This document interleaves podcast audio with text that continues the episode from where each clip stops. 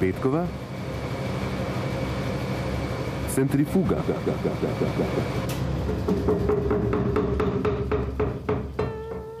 Na svetovni dan knjige se spodobi, da začnemo centrifugirati starodavno šalo. Saj se mi da še spomnite. Norišnica, dva pacijenta v čakalnici, skozi vrata pokuka doktor. Kdo je naslednji? Jaz, Napoleon I, se vzravna tisti manjši. Prav, reče doktor, ampak kdo vas je pa imenoval za francoskega cesarja? Sam Bog, pribije prvi in si zatlači roko v gumbnico. Tedaj pa nenadoma vskipi drugi, lažeš, jaz tega nikdar nisem storil. Guilty, guilty, guilty. Ja, ta teden smo imeli opraviti s številnimi bogovi. Konec koncev se teden zaključuje z bogovoma zemlje in knjige. Bog zemlje je letos na svoj dan slišal toliko plehkih, pridušan in lažnih obetov, kot že dolgo ne.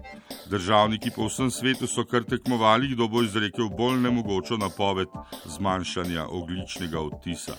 Tudi za več kot polovico v pičlih desetih letih, najmanj za toliko pa do sredine stoletja naprimer Joe Biden.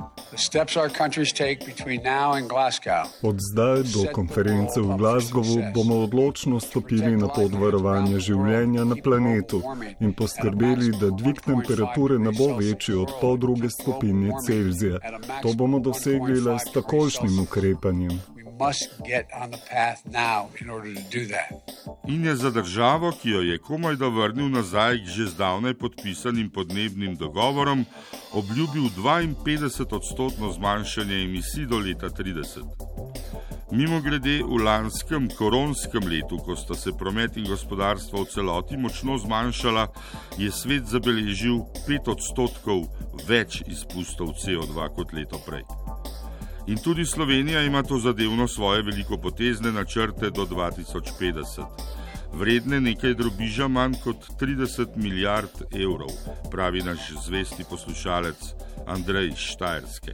Tudi vlada Republike Slovenije eh, se zaveda pomembnosti skupnega sodelovanja pri doseganju eh, konkretnih ukrepov za razogličenje kompletnega sveta in s tem ohranjanje našega planeta za bodoče generacije. Vlada je včeraj sprejela dolgoročno strategijo, kar pomeni, da bo tudi Slovenija postala neto oglično neutralna do leta 2050. Imamo že sprejete relativno ambiciozne cilje do leta 2030. S tem, da je treba pri teh kalkulacijah uračunati še nekončano pandemijo in tudi težaven izhod iz njenih posledic. Janševa vlada se bo namreč zanesljivo igrala Boga le do volitev, vse ostalo bo padlo na ramena prihodnih vlad zato je kar nekako potiho in na veselje mnogih radodarno razpoložena in je uspela samo v dobrem letu dni povečati državni dolg za več kot četrtino, na 8,6 odstotka BDP. Samo predsednik fiskalnega sveta Davorin Kračun občasno izpusti kak krik v puščavi vendar opozarjamo na to, da imajo fiskalne kapacitete svoje limite eh, in da jih lahko predolgo vztrajanje na ekspanzivni fiskalni eh, politiki tudi izčrpa. Eh, in zaradi tega tveganje, da Slovenija zopet postane tarča finančnih trgov, ni zanemrljivo. In kljub temu, da ga nihče ne sliši, pove še kaj hujšega, z nič manj lepimi besedami, da ja ne bi koga prebudil po krivem. Ob tem še enkrat opozorimo, da izboljšanje salda v naslednjih letih ob trenutno veljavnih ukrepih ni osnovano na realističnih projekcijah. Kar nekaj tednov so se igrali Boga tudi v ameriškem pravosodju in naposled je porota božjastnega policaja Derika Šovina okrivila po vseh treh točkah obtožnice. Guilty. Guilty. Guilty. Še kar zadeva rasizem in megalomanska policijska pooblastila, kar je poleg orožja v Ameriki podobno nedotakljivo kot zakramenti v krščanstvu, je tokrat Biden vseeno zvenel bolj prepričljivo kot prej pri boju proti podnebnim spremembam. No Nihče ni nad zakonom, to sporoča današnja razsodba. A to ni dovolj, ne smemo se ustaviti. Za resnične spremembe in reforme lahko in moramo storiti več. Le tako bomo preprečili podobne tragedije. Tudi v Sloveniji se mnogi še kar ne naveličajo igranja Boga. No, redko kateri se celo najdejo takšni, ki seveda premorejo vsaj minimalen odmerek samokritike. Ponovno se je tako naveličal igrati Boga prvi epidemiolog Marijo Fafangel.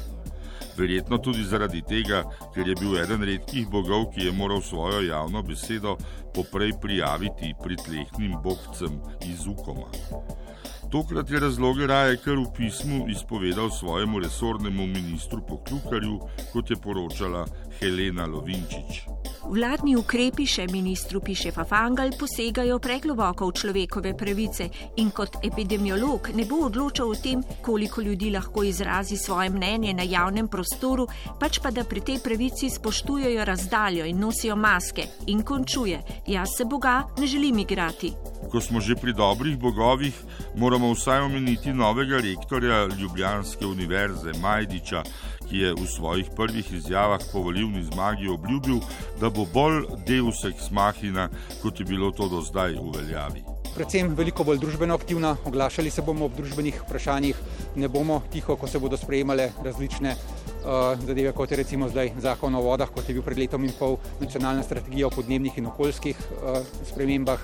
Kar je že samo po sebi slišati zelo blagodejno. Naši intelektualci tudi ob unebopijočih temah namreč v glavnem molčijo, kot bi bili v čakalnici dr. Mengeleja, ne zgolj pod Janševo, bolj ali manj začasno vlado. Guilty. Guilty. Guilty. Slovenija se je tudi ta teden in se bo še kar nekaj časa otepala povezav s tako imenovanim razkosanjem Balkana oziroma obstoječim nedokumentom, kot se temu moderno reče.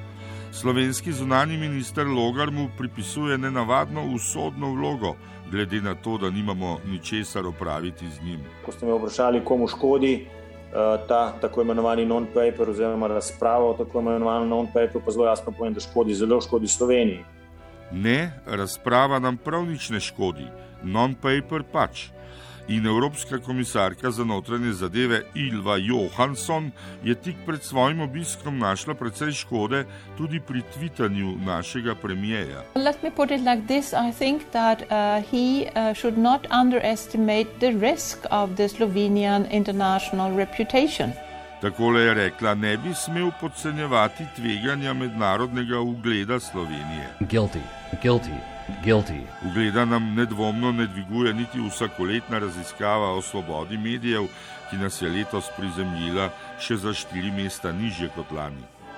Profesor Dejan Verčič zaradi 36. mesta še ne zganja alarma, se pa skupaj z nami čudi, kako slovenci med politiko in dovidarstvom ne znamo razbrati, kdo je zares in iskreno na strani ljudi.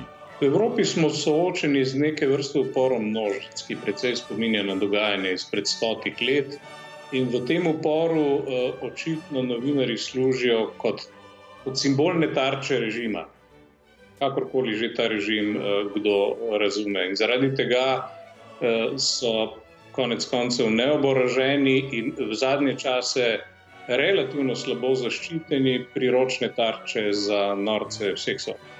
No, na srečo nam je dobro merico ugleda zagotovil človek iz nasprotne, pa še civilne sfere.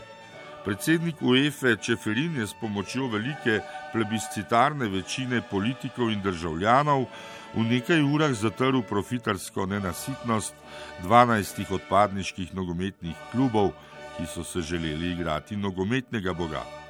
Pa še izključnih zaslug si ni prilastil not only football world was uni is united. All the society is united. Ni združen samo ves nogometni svet, ampak družba v celoti, tudi vlade. To je del naše kulture, vsi smo eno naproti temu nesmiselnemu projektu. Ker tudi absolutne zmage niso povsem enake in ne trajajo vse enako dolgo. V to se je prepričal novi kanclerski kandidat Nemške krščansko-demokratske unije Armin Laschet. Wir müssen für unsere Werte von Freiheit, von Solidarität, von Gerechtigkeit V tem svetu se moramo za svoje vrednote, svobodo, solidarnost in človeško dostojanstvo boriti. Evropa mora znova pokazati svoj prispevek boljšemu svetu. Nemčija ni vodilna po velikosti in ustrahovanju, temveč po odločnosti, zgledu, ki ga daje, ter človečnosti.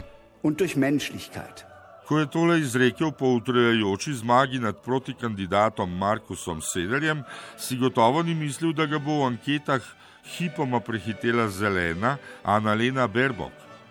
Dotedanje odstotke so si prek noči izmenjala, zdaj ima ona 28 in on samo 22 odstotno podporo voljivcev. Guilty, guilty, guilty. Na koncu si res ne bi pomagali s tisto zlajnano, kjer se prepirata dva, sploh če se igrata Boga bi pa vendarle za vsak slučaj opozoril še na Putinov letni nagovor, ki je letos potekal v presenetljivo umirjenem tonu. Potem pa ga je Vladimir Vladimirovič zabedil s stavkom, ki da marsikomu misliti. Organizatorji ljubih provokacij, ugrožajočih. Organizatorji raznih provokacij, ki ogrožajo temelje naše državne varnosti, bodo to obžalovali tako, kot že dolgo niso ničesar. Tudi informacija je orožje, nič drugega niso želela sporočiti oba Damjana, Rostan in Zorc. Guilty. Guilty. Guilty.